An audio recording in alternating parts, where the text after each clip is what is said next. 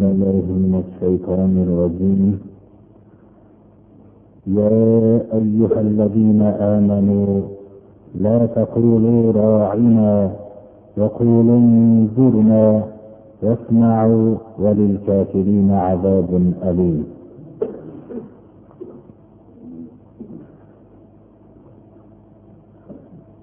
janob rasululloh sollallohu alayhi vasallam da'vatni ashobi ikromlarga yetkazayotgan vaqtlarida nihoyatda ehtiyotkorlik bilan ashoblarni rioya qilib da'vatni yetkazardilar. Ashobi ikromlar ham o'zlarining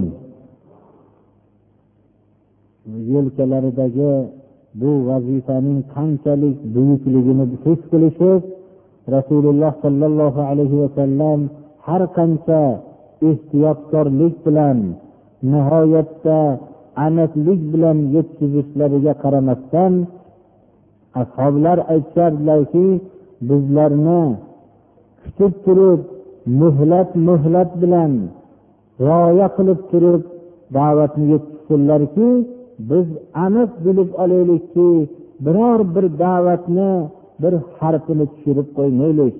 O'zimizdagi omonatni orqalarimizdagi kishilarga yetkazaylik deb vaqtlar ba'zi vaqtlarda payg'ambarimiz sollallohu alayhi vasallamga roina deyishardilar.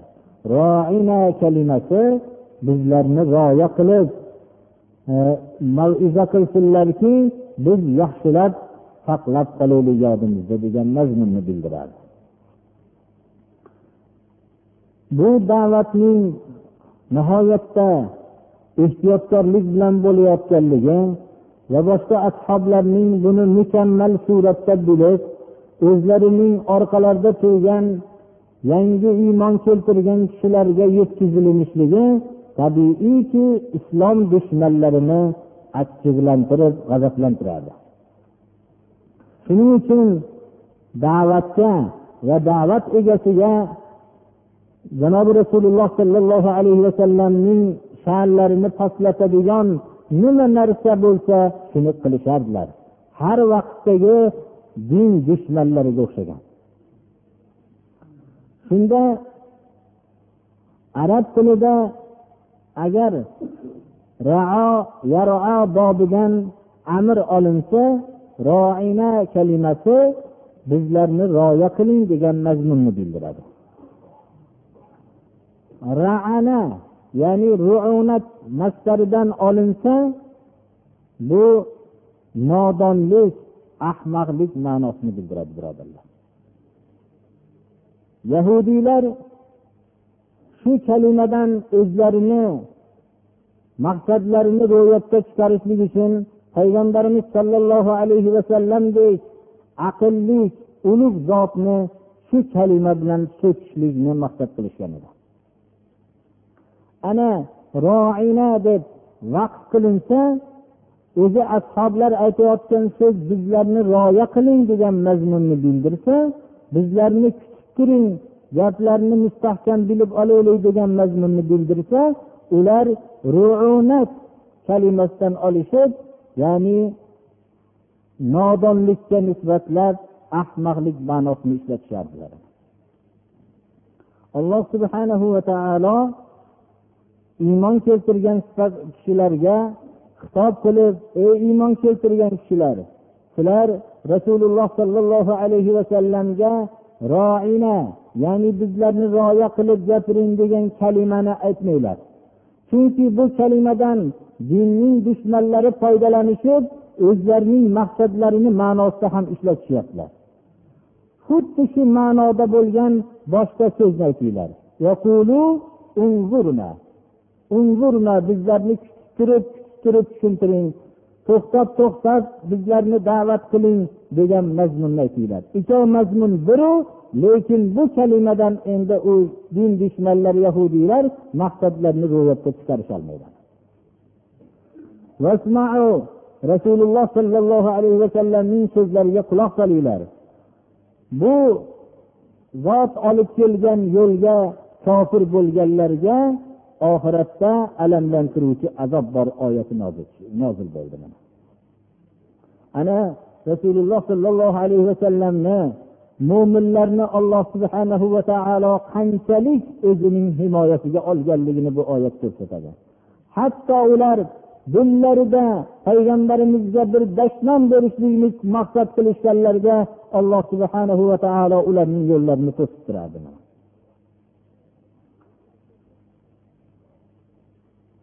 va ularning dillaridagi aniq maqsadni ham alloh taolo ochib tashlayaptiki استعيذ بالله ما يود الذين كفروا من اهل الكتاب ولا المشركين ان ينزل عليكم من خير من ربكم والله يختص برحمته من يشاء والله ذو الفضل العظيم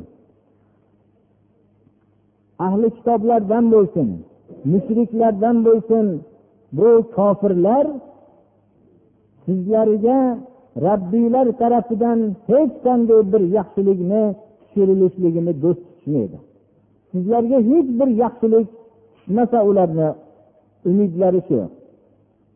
Ana bu oyat kalimada ahli kitoblarni ham mushriklarni ham kofir deb sanayapti.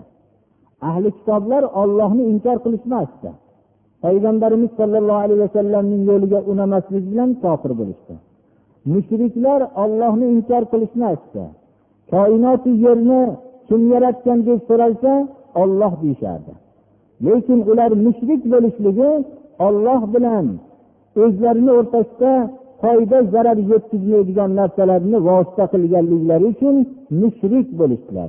Ya'ni xudoga sharik isbot qilishdilar ana ahli kitoblardan bo'lsin mushriklardan kofirlar sizlariga robbiylar tarafidan hech qanday bir yaxshilikni tushirilishligini do'st tutmaydi. Lekin olloh o'zini rahmatini xohlagan odamga xoslaydi. Mana rasululloh sollallohu alayhi vasallamga risolat ne'matini risolat rahmatini xosladi va u kishining atroflarida yig'ilgan ashoblarga mo'minlarga shu da'vatning xizmatkori bo'lishlik rahmatini xosladi olloh ulug' fazl egasidir mana bu oyatda bu kalimada shunga ishora bo'lyaptiki risolatdan ko'ra katta fazl yo'qligi va risolatni xizmatkori bo'lishlikdan ko'ra katta ne'mat fazl yo'qligiga ishora bo'lyaptiki agar bir kishini alloh subhanahu va taolo shu din da'vatining xizmatkori qilib qo'ygan bo'lsa olamdagi eng katta fazlni beribdi shu odamga. Unga bu da'vatni qilayotgan vaqtida unga boshqa maqtovlarning keragi yo'q. O'ziz agar bir mulohaza qilib ko'rsangiz alloh subhana va taolo din da'vatini odamlar ichida yer yuzidagi shuncha odamlarni hammasini qo'yib shu odamlar ichida sizni tanlab olganligi o'zi kifoya qiladi. Shuncha yer yuzida yurgan odamlarni hammasini ichida qaysi bir mendagi bir fe'l bilan ollohga manzur bo'luvdim deb o'zi shu da'vat ne'matini odamlarga tarqatib yuradigan dinni tushuntiradigan kishi bo'lib qolishlikni o'zi hamdini maqtovini aytib tugatib bo'lmaydi birodarlar. Haqiqatda kim qaysi bir sabab bilan allohga shu ne'matiga muyassar bo'lganligini o'ylasa juda katta ne'mat bu. Shuncha odamlar bu narsaniga nasib qilmasdan shu odamni odamlar ichida tanlab olishligi juda katta ne'mat. Olloh shunday ulug' fazl egasiki din da'vatiga tanlab o'zining fazlini odamlar ichida xohlagan odamini xoslaydi mana. Albatta bu bandalar o'zlarining hollarini o'zgartirishmasalar olloh ularning hollarini o'zgartirmaydi.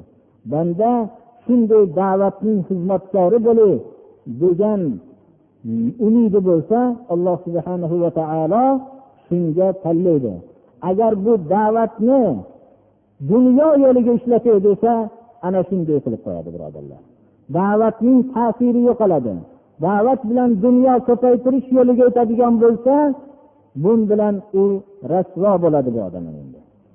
Shuning uchun da'vatning olloh o'zi shu yo'lga tanlaganligi o'zi kifoya qiladi. O'zi undan tashqari oxiratda katta mukofotlar uni kutib turibdi mana.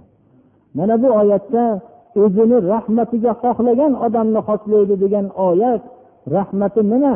Da'vatning xizmatkori bo'lib qolishligi. Ana ashobi ikromlar shunday ulug' fazlni egasi bo'lishdilarki ular rasululloh sollallohu alayhi vasallamdan qabul qilib olishgan da'vatni biror bir harfiga xiyonat qilishmasdan to'g'ri sof holatda yetkazdilarki uning samaralarining bittasi bizning mana shu yerda hozir shunday o'tirishligimiz ham ana shu zotlarning qilgan xizmatlarining samarasidir birodarlar. Shuning uchun bo'lsa kerak har bir xatib xutbaga chiqishlik bilan o'zini so'zini boshlashligidan ilgari ollohga hamd aytadi. Rasululloh sollallohu alayhi vasallamga durud yuborib undan keyin bu kishining da'vatlarini qabul qilib olamga tarqatgan ashoblarga maqtovlar aytmasdan o'tmaydi. Chunki har bir yer yuzining qaysi burchagida turgan musulmon ulardan hech ado qilib bo'lmaydigan suratda qarzdir ular chunki bu bilan insoniyatning baxt saodati vujudga keldi mana. Shuning uchun shu da'vatni yo'lida qurbon bo'lishdilar. Shu da'vatni yo'lida moli davlatlardan ajralishdilar. Shu da'vatni yo'lida hovli joylaridan voz kechib boshqa diyorlarga ketishdilar. Shu da'vatni yo'lida mana bizni diyorlarimizga kelib mana shu yerda haqiqatni tarqatishdilar. Shularning samarasi bilan bizning ajdodlarimiz dunyo va oxiratning saodatiga ega bo'lishdi. Hatto biz mana o'zbek xalqi tojik xalqlari musulmon albatta bular hammasi yoppasiga musulmon deb tasavvur qiladigan darajaga chiqib ketdik mana shu darajada e'tiqod shunday bo'ldiki qaysi bir odam o'zbek tojik qirg'iz bo'lsa bular hammasi musulmon deydigan darajada bo'lib ketdi. Shularning da'vatlarining bu yerga yetib kelganligidan.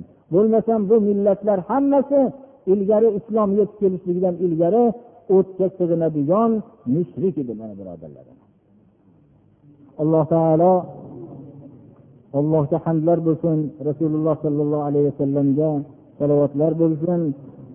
U kishini yo'llarini yetkazgan ashoblarga hammalariga alloh taoloning rahmati bo'lsin.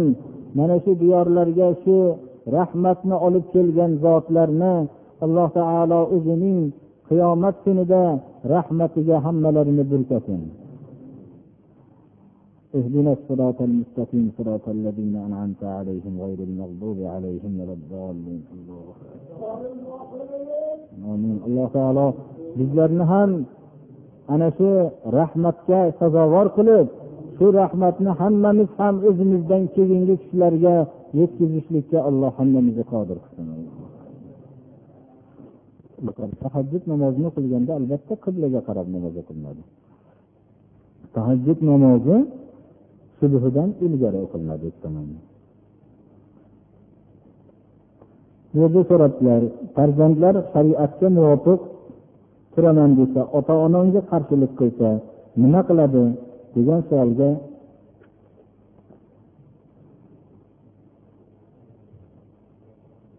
bunga javob shuki farzand ota onaga itoat qilishligi yaxshilik qilishlikka buyurgan yaxshilik qilishlikka. Ammo ota ona islomga zid bo'lgan narsaga buyursa farzand ota onaga itoat qilmaydi. Itoat yakka ollohga bo'ladi. Ota onaga davomiy suratda yaxshilik qilinadi. Mana shunday javob.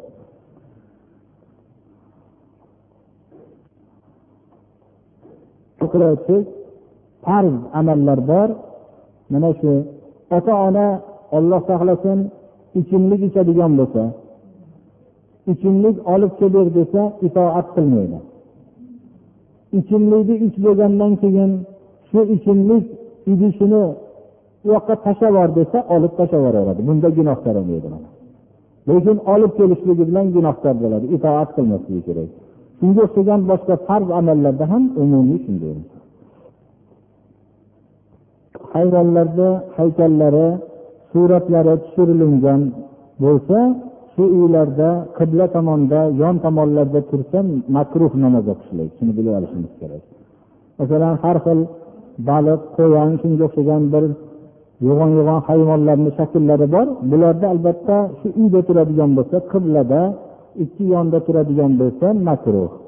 Mayda ko'rinmaydigan bo'lsa karohati yo'q. Lekin shuni qilmaslik kerak bu butparastlikni avvali shulardan boshlangan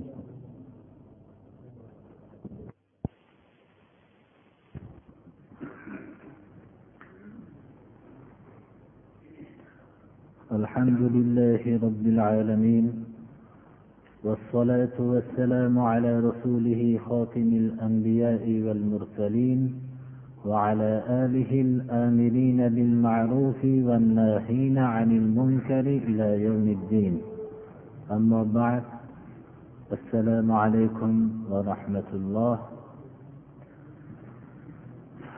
bugungi kun zulqada oylarining birinchi kunlari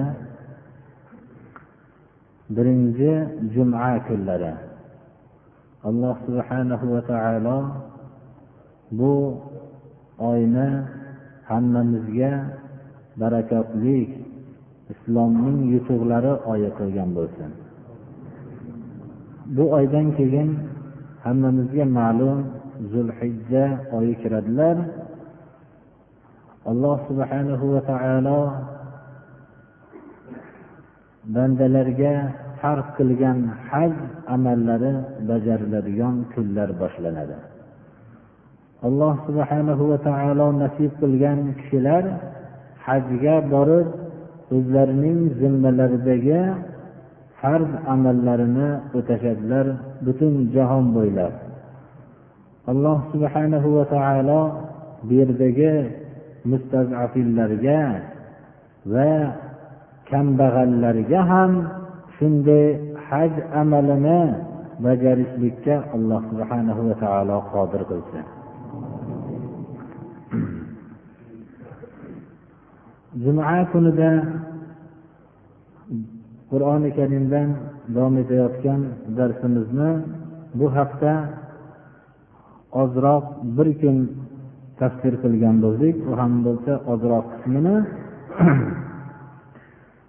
navbatdagi darsimiz استعيذ بالله ما ننسخ من آية أو ننسها نأتي بخير منها أو مثلها alam ta'lam annalloha ala kulli shay'in qodir oyat kalimasiga kelib to'xtagan edi bu oyat kalimaning nozil bo'lishlik sabablarida rivoyatlarda shu narsalar bayon qilinganki janobi rasululloh sollallohu alayhi vasallam payg'ambar bo'lgan davrlarning avvalida baytul muqaddasga qarab baytul muqaddas qibla deb birinchi qibla bo'lib shu baytul muqaddasga qarab namoz o'qigan edilar. Hijratdan o'n olti oy keyin ham baytul o'n olti oy muddatgacha baytul muqaddasga qarab namoz o'qiganliklari rivoyat qilinadi. Baytul muqaddas avvaldan tortib o'tgan payg'ambarlarning hammalari namozlarini shu tarafga o'qib kelingan birinchi qiblamiz edi. Yahudiylar janobi rasululloh sollallohu alayhi vasallamga boshqa nasorolar qarshi chiqishgan bo'lsalar ham ba'zi vaqtlarda biz namoz o'qigan qiblaga qarab namoz o'qiyaptiyu degan narsa bilan yupanishib turishardilar. Payg'ambarimiz sollallohu alayhi vasallam qiblalarining baytul muqaddasdan kabai muazzamaga burilishligini orzu qilardilar. Lekin payg'ambarona odob bilan alloh subhanahu va taolodan kabai muazzamaga qarab o'qishlikni duo ham qilmasdilar. Yolborib so'ramasdilar faqat qalblarida orzu qilardilar. Keyingi inshaalloh qibla haqidagi qiblaning burilishligi haqida bo'lgan oyatlarni tafsir qilganda o'rnida aytib o'tamiz. Bu yerda shu oyatga bog'liq bo'lgan o'rin bilan kifoyalanamiz. Payg'ambarimiz sollallohu alayhi vasallam kabai muazzamaga qarab namozga burilishlikka alloh subhanahu va taolo tarafidan buyruq kelgandan keyin burildilar. Burilganlaridan keyin ahli kitoblar o'zlarining butun nayranglarini butun tuhmat toshini musulmonlarga qarab ota boshlashdilar. Ular musulmonlarning asl aqidalaridan siljitish ularning iymonlaridan qaytarishlikka har xil bir nayranglarni ishlatishardi bu nayranglar tabiiy iymoni zaif bo'lgan kishilarga qisman ta'sir ham qilardi. Ularning musulmonlarga qarata aytgan nayranglaridan bittasi shu ediki agar baytul muqaddasga qarab namoz o'qishlik noto'g'ri bo'lgan bo'lsa shuncha muddat o'qigan namozinglar bekor bo'ldi. Agar baytul muqaddasga qarab namoz o'qishlik to'g'ri bo'ladigan bo'lsa nima uchun baytul muqaddasdan kabaga burildinglar deb nayrang qilishardi. Alloh subhanahu va taolo bunday deyishliklarini mana keyingi oyatlarda bayon qilinadi. Qiblaga biz yaqinda sizni kabai muazzamaga buramiz. Shunda nodonlar asli qiblaning mohiyatini tushunishmaydilar degan mazmunlarni ifodalovchi oyatlar keladi. Ya'ni baytul muqaddasga o'zi qarab namoz o'qishlik nima uchun o'qilinardi? Alloh subhanahu va taolo buyurganligi uchun baytul muqaddasga qarab namoz o'qilinardi. Baytul muqaddasga qarab namoz o'qishlikka buyurgan olloh kabai muazzamaga burilishlikka buyurdi ana asli biz nima uchun qiblaga qarab namoz o'qiymiz? Olloh buyurganligi uchun shu hukmni ijro qilishlik uchun o'qiymiz shuning uchun asli hikmat ollohning buyrug'i degan hikmatni tushungan kishi bunday fitna nayranglarga dovdiramaydi albatta.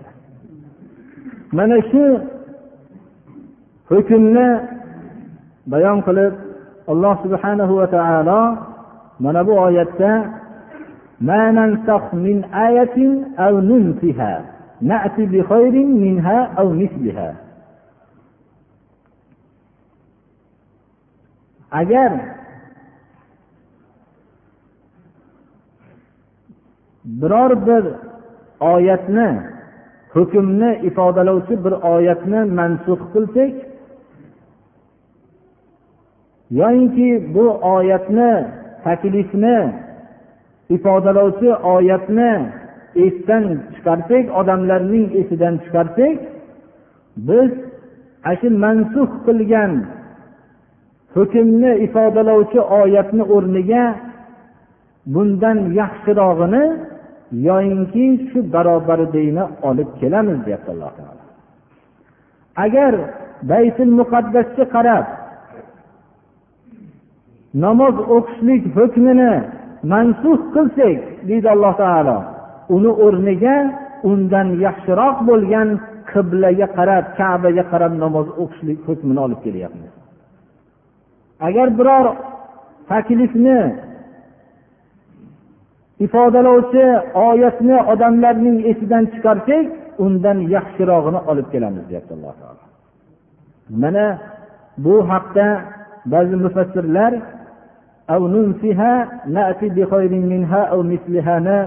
haqida payg'ambarimiz sollallohu alayhi vasallam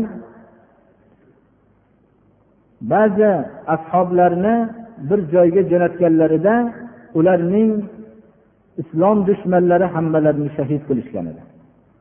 Shunda bir oyat nozil bo'lgan edi.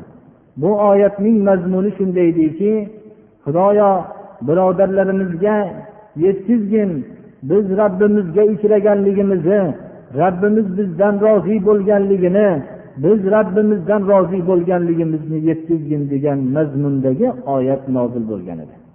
Bu oyat avvallarda oysha onamizdan rivoyat borki biz o'qib yurardik. Keyin alloh subhana va taolo buni bizni esimizdan chiqardi degan rivoyatni imom buxoriy rivoyat qiladilar ya'ni ba'zi ashoblar ko'plari alamlanishib do'stlarining shahid bo'lib islom dushmanlarining qo'lida bular qaqshatqich holatda shahid bo'lishib ketganliklarini eshitganlaridan keyin g'amlar g'amga botishib alamlanishganliklarida shu mazmundagi oyat tushib ularga taskin berib keyin bu oyatning labzi mansux bo'lganligini imom buxoriy rivoyat qiladilar.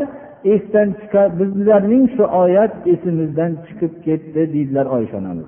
Bu degan so'z ya'ni alloh subhanahu va taolo ba'zi oyatlarning labzini mansuf qilganlikka shuni hujjat qilib keltiriladi.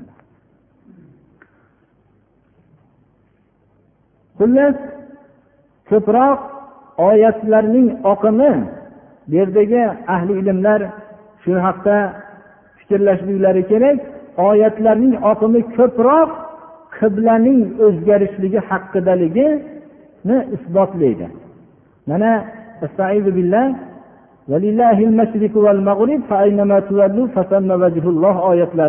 o'sha shu qiblaning o'zgarishligi haqidagi bo'lgan mazmunni ko'proq bu yerdagi mansuf degan hukmdan murod shu ekanligini oyatlarning oqimi quvvatlaydi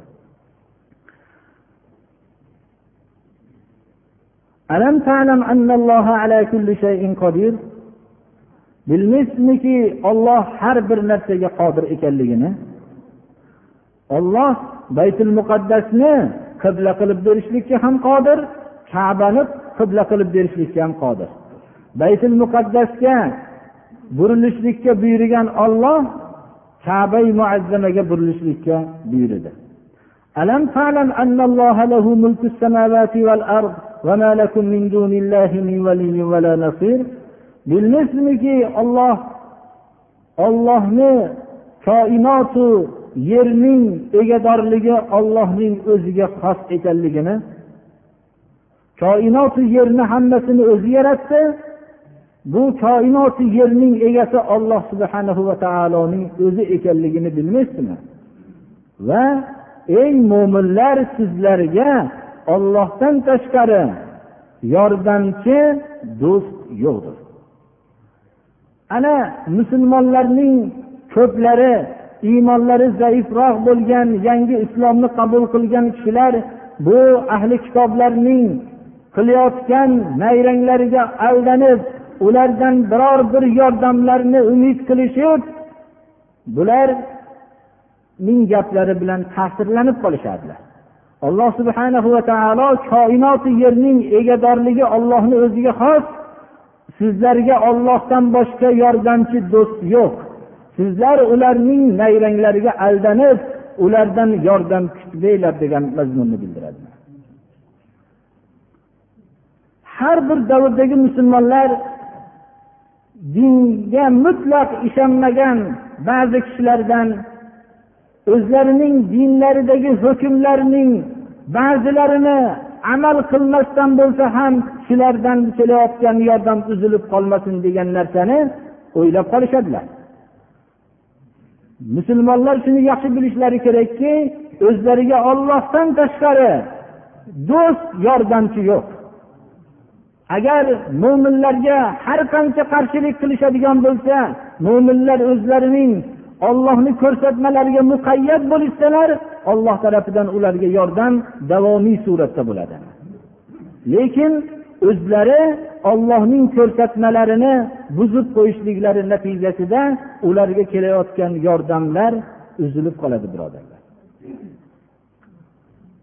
Ular musulmonlarning yonlariga kelib gapirishliklaridan ularga o'zlaricha mehribonlik ko'rsatishlik bilan hech qachon ularga dinlariga yordam berishligini o'ylashmaydi ahli kitoblar.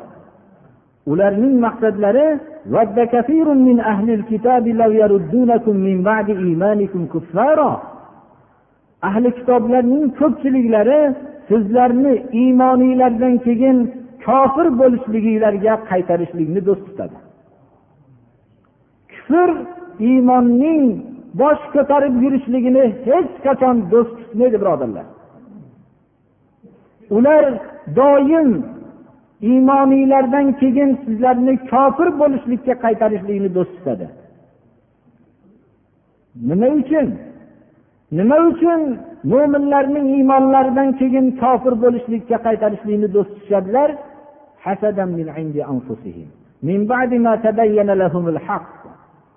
Ular haqni bilmaganligidanmi? Yo'q haq ularga ravshan bo'lgan lekin o'zlari tarafidan hasad qilganliklari sababli shunday qilishadilar hasad insonni bilib turgan haqiqatini o'zi bilib haq ekanligini bilib turib ana shu haqiqatdan qaytib haqiqatda yurganlarning ham nohaq yo'lga o'tishligini do'st tutadigan holatga olib o'tib qo'yadi birodarlar. Alloh subhanahu va taolo bunday hasad qilib o'zlarining nohaq yo'liga qaytaraman degan insonlar bilan ularga ham mo'minlar hasad bilan javob berishlikdan man qiladi. Ular bilan barobar bo'lishlikda alloh subhanahu va taolo mo'minlarning shunday ular bilan barobar bo'lishligini xohlamaydi. Sizlar ham ularga hasad qilib qilinglar demaydi balki ular bilan barobarlashlikdan pok bo'lishlikka targ'ib qiladi. Sizlar afv qilinglar. Kechiringlar ularni. Hatto olloh o'zini hukmini olib kelguncha. Ma'lum bir muddat borki olloh o'zini hukmini olib kelishligi ana shu muddatgacha sizlar afv qilib ularni kechiringlar va o'zinglarni yo'linglarda davom etinglar. Olloh har bir narsaga qodirdir. Olloh bunday hasad bilan haqni bilgandan keyin sizlarni iymoninglardan keyin kufr yo'liga qaytarishlikni do'st tutadigan odamlardan qisos olishlikka qodirdir. Sizlar olloh subhana va taolo o'zinglarga ixtiyor qilgan yo'lda davom etinglar. Namozni barpo qilinglar zakotni o'tanglar. Ya'ni robbiylarga ibodat qilinglar. Ibodatning eng asosiy ramzi bo'lgan namozni barpo qilinglar. Va ubudiyatning ramzlaridan bo'lgan zakotni o'tinglar o'zinglar fuqarolarning haqqini bilishlik bo'lgan sifatinglardan ajralmanglar. Qilgan amalinglarni birov ko'rib turishligi bilan mashg'ul bo'lmanglar. Qaysi bir narsani o'zinglarni foydanglarga taqdim qilingan yaxshiliklarni albatta ollohni huzuridan topasizlar. Qilayotgan yaxshiliginglarni dunyoda gapirilib bilinishligini xohlamanglar. Bilmayotgan holatlardan g'amgin bo'lmanglar. Qaysi bir yaxshilikni qilgan bo'lsanglar ollohni huzuridan topasizlar. Odamlarning ko'rishligini bu odamlarning bilishligini buni xohlamanglar olloh sizlarning qilib turgan amalinglarni ko'rib turadi. Olloh banda bir yaxshi amalni qilayotgan bo'lsa olloh ko'rib turganligi kifoya qilmaydimi birodarlar? Ollohni ko'rib turganligi shu o'zi mukofotlikka kifoya qiladi. Agarki oxiratda mukofot bo'lmaganda ham olloh robbil alamin o'zi bergan rizqini sizga beribdiyu siz uning haq yo'lga sarflayotganligingizni o'zingizni ilmingizni haq yo'lga sarflayotganligingizni moli davlatingizni haq yo'lga sarflayotganligingizni kuch quvvatingizni haq yo'lga sarflayotganligingizni olloh ko'rib turgan bo'lsa o'zi shu mukofot yetadi. Buni ustiga alloh taolo oxiratda ham mukofot beradi. Endi odamlarning haqiqiy nodoniki olloh ko'rib turib turgan amalni ollohni ko'rib turganligini ya odamlarning ko'rishligini almashtirishlik bu nihoyatda bir nodonlik birodarlar. Agar bir yaxshi amalni qilayotgan bo'lsangiz komil bir inson olim bir kishi shu qilayotgan yaxshiligingizni ko'rib turgan vaqtida qanchalik kuch g'ayrat bilan shu ishni qilasiz? Qanchalik ixlos bilan qilasizki shu zotni men yaxshilik qilayotganligimni ko'rib turibdi deb. Olloh ko'rib turib turganligini inson tasavvur qilsa shu yaxshilik qilayotgan vaqtida nihoyat darajada quvonchi haddan tashqari ortiq bo'lardi.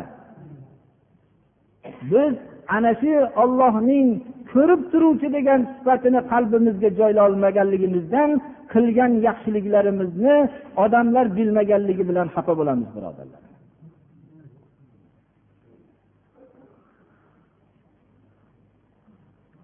Ahli kitoblar doim o'zlarining musulmonlarga nisbatan nayranglarini davom ettirishardi. Ular vaqti vaqti bilan jannatga faqat yahudiy bo'lganlar kiradi deb yahudiylar aytishardi. Nasorolar bo'lsa jannatga faqat nasoro bo'lganlar kiradi deyishardi. Alloh subhana va taolo ikkov ahli kitoblarning so'zini jamlab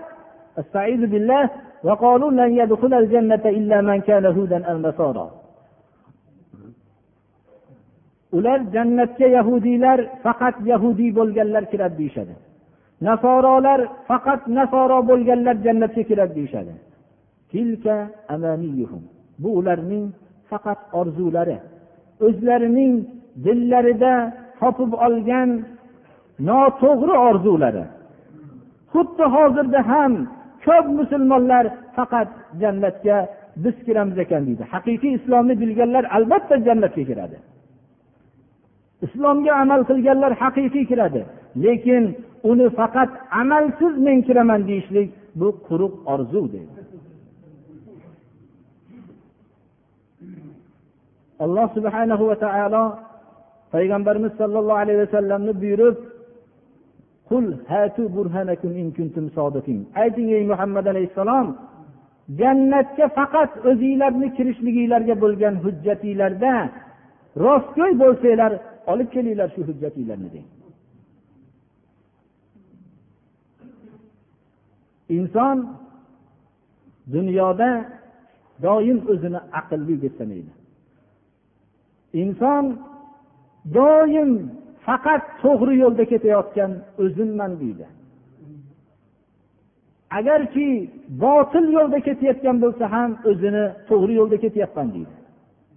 Yer yuzidan aql yo'qolib ketsa ham birov o'zini aqlsiz deb sanamaydi. Shayx sadiy o'zlarining gulistonlarida keltiradilarki qozi oldida bir musulmon bilan yahudiy bir hujjat talashib o'zining haqqini talab qilib olganda musulmon kishi qasam icharmishki agar shu so'zim yolg'on bo'lsa yahudiy bo'lib o'lay deb qasam ichsa yahudiy bo'lsa qasam icharmishki agar shu so'zim yolg'on bo'lsa musulmon bo'lib o'lay deb. Ana inson qanchalik o'zini aqllik to'g'ri yo'lda deb sanaydi mana. yer yuzidan aql yo'qolib ketsa ham birov o'zini aqlsiz sanamaydi birodarlar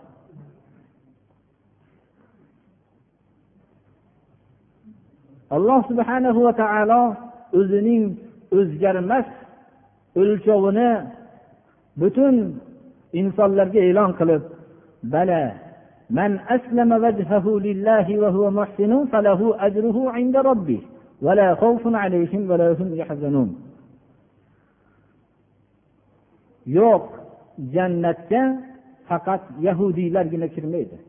Jannatga faqat nasorolargina kirmaydi. Jannatga kim kiradi? Qaysi bir kishi o'zini ollohni hukmiga bo'ysundirsa? Zohiriyda butun ollohni hukmiga bo'ysundirilganligini isbotlovchi amallarni bajarsa va shu bilan birga shuni qalbi bilan ixlos bilan ollohga o'zini hukmini ya'ni qalbi bilan ollohni hukmiga o'zini bo'ysundirgan bo'lsa uning tarbiyat kunandasini oldida uning ajri mukofoti bo'lishligi muqarrardir ularga odamlar hammasi tashvishda bo'lib turganda qo'rquv tashvish yo'q. Odamlar hammasi g'amgin bo'lib turganda bunday o'zini ollohni hukmiga bo'ysundirib qalbini ixlos bilan obod qilgan kishilar g'amgin bo'lishmaydi. Mana alloh subhanahu va taolo oxiratdagi amal tarozisini xalqqa e'lon qilyapti birodarlar. Payg'ambarimiz sollallohu alayhi vasallamdan bir kishi qur'oni karimda ko'p ehson zikrlari kelganda suol qildiki yo rasululloh mal ehson ehson nima? deganlarida janobi rasululloh sollallohu alayhi vasallam javob qildilarki al ehson an ta'buda robbaka ka'annaka tarahu fa in lam takun tarahu fa innahu yaraka. Ehson rabbingni ko'rib turgandek sig'inishliging har bir amalingda rabbim ko'rib turibdi deb yo rabbingni ko'rib turgandek amal qilishliging dedilar. Agar rabbingni ko'rib turganligini o'zingga hosil qila olmasang rabbim ko'rib turibdi degan narsani hosil qilib amal qilmoqliging degan ekanlar. Mana ana shunday ehson ixlos bilan o'zini rab taoloning hukmiga bo'ysundirgan kishilar alloh subhanahu va taoloning huzuridan mukofotlarini olishadi odamlar tashvishda turganda bularga tashvish bo'lmaydi odamlar g'amgin bo'lib turganda bular g'amgin bo'lishmaydilar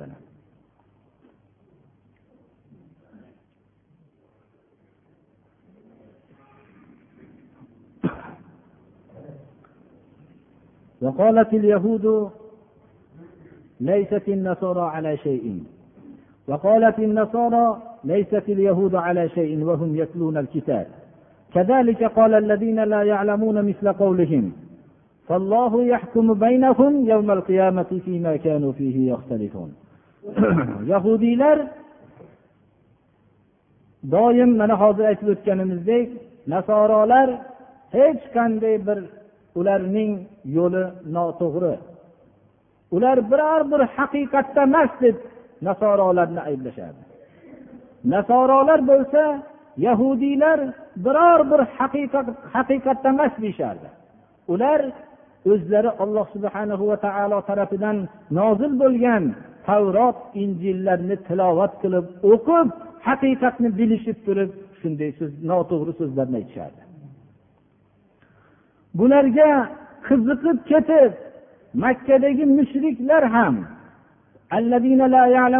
murod ummiylar ilm yo'q bo'lgan mushriklar ham ularning so'ziga o'xshagan narsalarni gapirishardi. Chunki yahudiy nasorolar bu foydayu zarar yetkazmaydigan toshlarga sig'inayotganlar hech qanday haqiqatda emas deyishardi. Albatta to'g'ri edi bu so'z lekin o'zlari ham noto'g'ri yo'lga tushib qolgan edi hammalari. Alloh subhana va taolo bu uchala toifaga ya'ni yahudiy nasoro va mushriklarga xitoban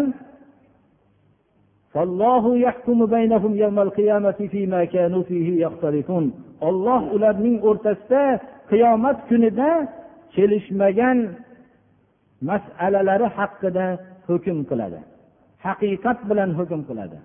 Mushriklarning ham botil ekanligini hukm qiladi. Ahli kitoblardan bo'lgan yahudiy nasorolarning ham botil yo'lda ekanligini ular o'zlarining huzurlariga muhammad alayhissalom olib kelgan haqni qabul qilmaganligini mana bu hukm qiladi mana bu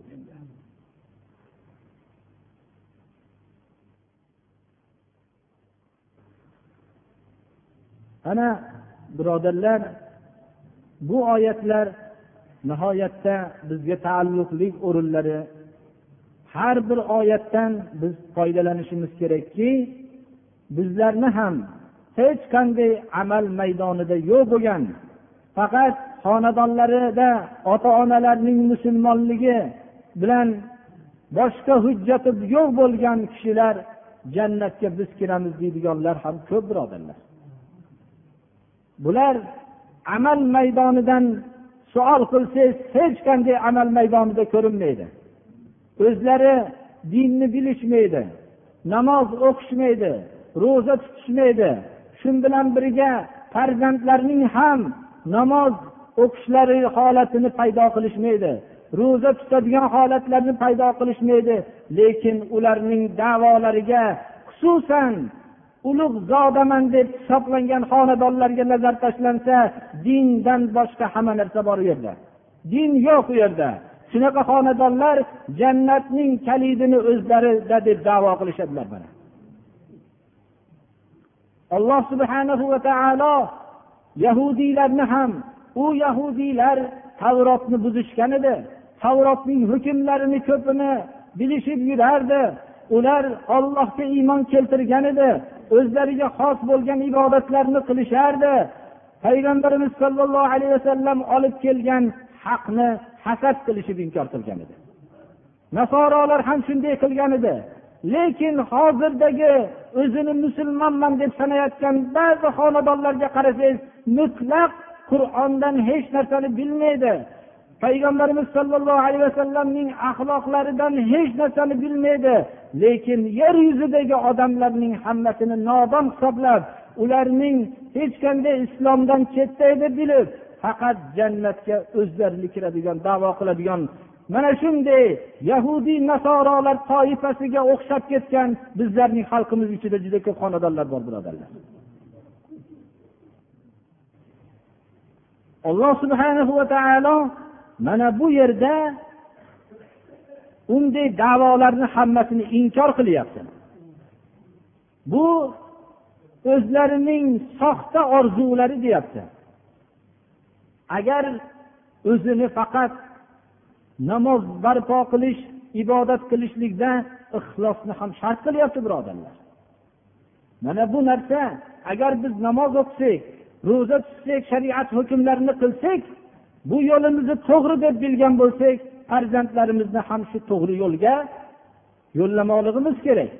Agar bu yo'limizda namozlarimizda shubha bormiki farzandlarimizni hammasini to'g'ri yo'lga da'vat qilmaymiz.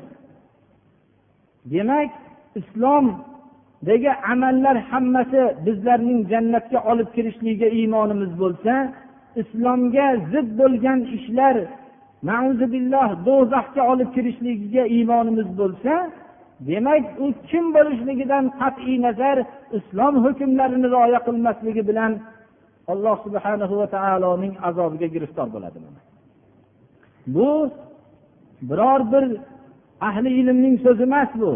Nas ochiq oyatlarda ifodalangan oyatlar. Yahudiy nasorolarning qilgan uzundan uzun orzu davolarini alloh subhana va taolo bizga aytib beryaptiki ey musulmonlar sizlar shunday quruqdan quruq davolar bilan yashamanglar deyaptilar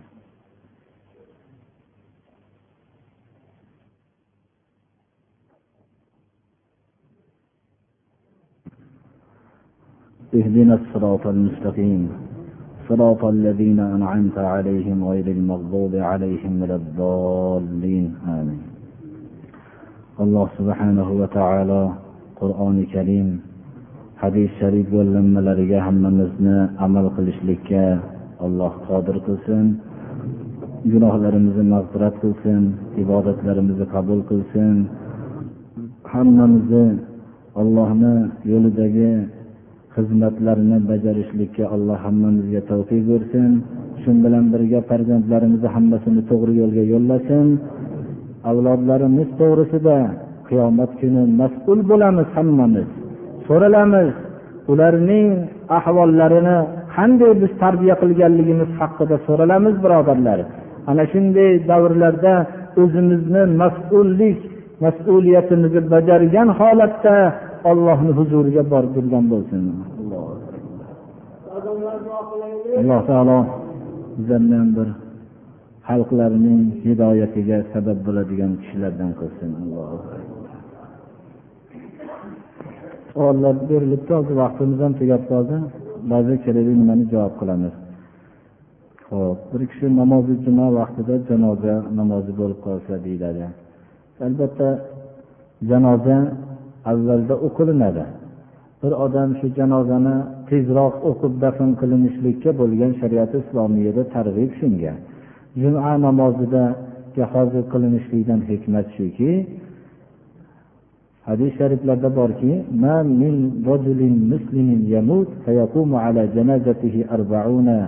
رجلا لا يشركون بالله شيئا إلا أدخله الله الجنة bir musulmon kishi vafot qilgan bo'lsa uning janozasida qirqta shirk kasaliga giriftor bo'lmagan kishilar ishtirok etsa alloh subhanahu va taolo uning jannatga dohil qiladi. Musulmon bo'lib o'tgan bo'lishlik sharti bilan degan hadis shariflarga binoan juma namozida ko'p musulmonlar borligini hisobga olib jumaga olib kelishlik bu ayni hikmat bo'ladi mana. Bu janozani tahir qilganga qo'shilib qolinmaydi. Shuning uchun mabodo bir kishi shunga sabab ana shu vaqt hal qiladi. Bu yerda turib u masalani biz aytishimiz to'g'ri kelmaydi. Shu vaqt shunday bo'ladiki dafn qilib qo'yishlik kerak bo'ladi. Ba'zi sabablar endi ochiq aytishimiz kerak bo'ladi. Uzoq muddat yo'qolib qolib topilmay qolgan holatlar bo'ladi. Shunaqa vaqtlarda shunday janozani o'qib dafn qilishlik zarur bo'ladigan vaqtlarda u afzal bo'ladi. Endi bu juma namoziga olib kelinishlik ayni hikmat bo'ladi hozirgi aytganimizga. Bir masalalar to'g'risida so'ralibdi. Bu masalalarni biz ko'p gapirib berganmiz. Shuni yana uchrovchi masala so'ragan odam o'zimizga uchrasa aytib beraveramiz ba'zi kishilar duo qiling deb nima qildilar bir birodarimizdan yana savoli bor ekan pastida ham. Savol shuki unga javob ya'ni ba'zi kishilardan vazifa olsak bo'ladimi? Shunaqa degan savol bo'libdilar biz shuni bilamizki hozirgi vaqtimizda kishilar iymonga nihoyatda bir muhtoj. Iymon nima bilmaydi? Iymonni biz tushuntirishligimiz vazifamiz bo'lishligi kerak. Odamlarga shu vazifani tarqatishimiz kerak va shu bilan birga islomni tushuntirishimiz kerak va farzandlarning tarbiya qilishligini tushuntirishimiz kerak. Iymoni islomni bilgandan keyin bir ustozdan albatta tarbiya topadi. Ana shu ustoz uning to'g'ri yo'lga yo'llovchi kishi hisoblanadi. Mana shu ustozni ushlash kerak. Uning qalbi qilayotgan amallariga nazar tashlansa uning haq nohaqligi ma'lum bo'ladi. Mana shu ustozni tomonidan olgan vazifalar islom hukmiga muvofiq bo'lish sharti bilan vazifani olaveradi. Unaqa boshqa bir masalalar bunaqa narsalar bizni dinimizda unaqa yo'q. Xudo hammamizni to'g'ri yo'lga boshlasin deydi bir ikkita birodarlar. Ba'zi sabablar bilan aytibdi kasalni duo qilinglar alloh shifo bersin debdi. Alloh taolo shifo bersin. Shu dardiga mana dardman bo'lganda g'amgin bo'lib allohga iltijo qilib butun xudodan madad so'rab yuradi. Ammo shifolangandan keyin uni esdan chiqarib ollohni esdan chiqarib qo'yadigan bo'lmasin. Unda endi uni javobgarligi ko'proq bo'lib qoladi. Tandurustlikniga shukur aytishlik bu endi kasallikdan ko'ra ko'proq mas'uliyatli bo'lib qoladi. Alloh taolo tandurustlikni bersin va shu bilan birga tandurustlikka hamd aytib shukur qilishlikka alloh tavfiq bersin.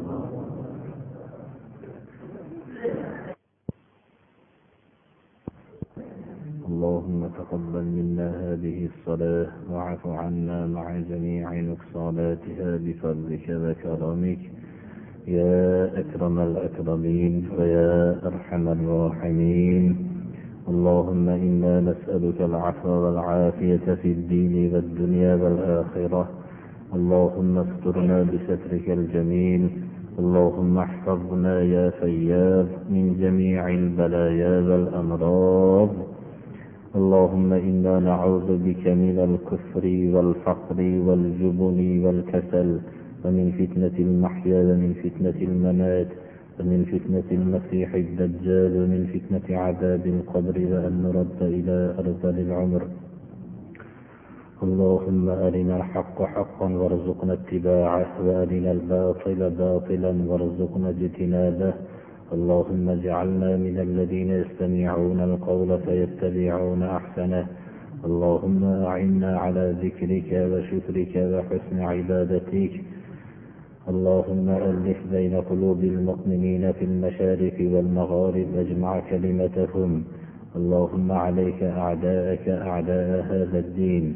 اللهم أعز الإسلام والمسلمين وأذل الشرك والمشركين وصلى الله تعالى على خير خلقه محمد وآله وأصحابه أجمعين. الله أكبر.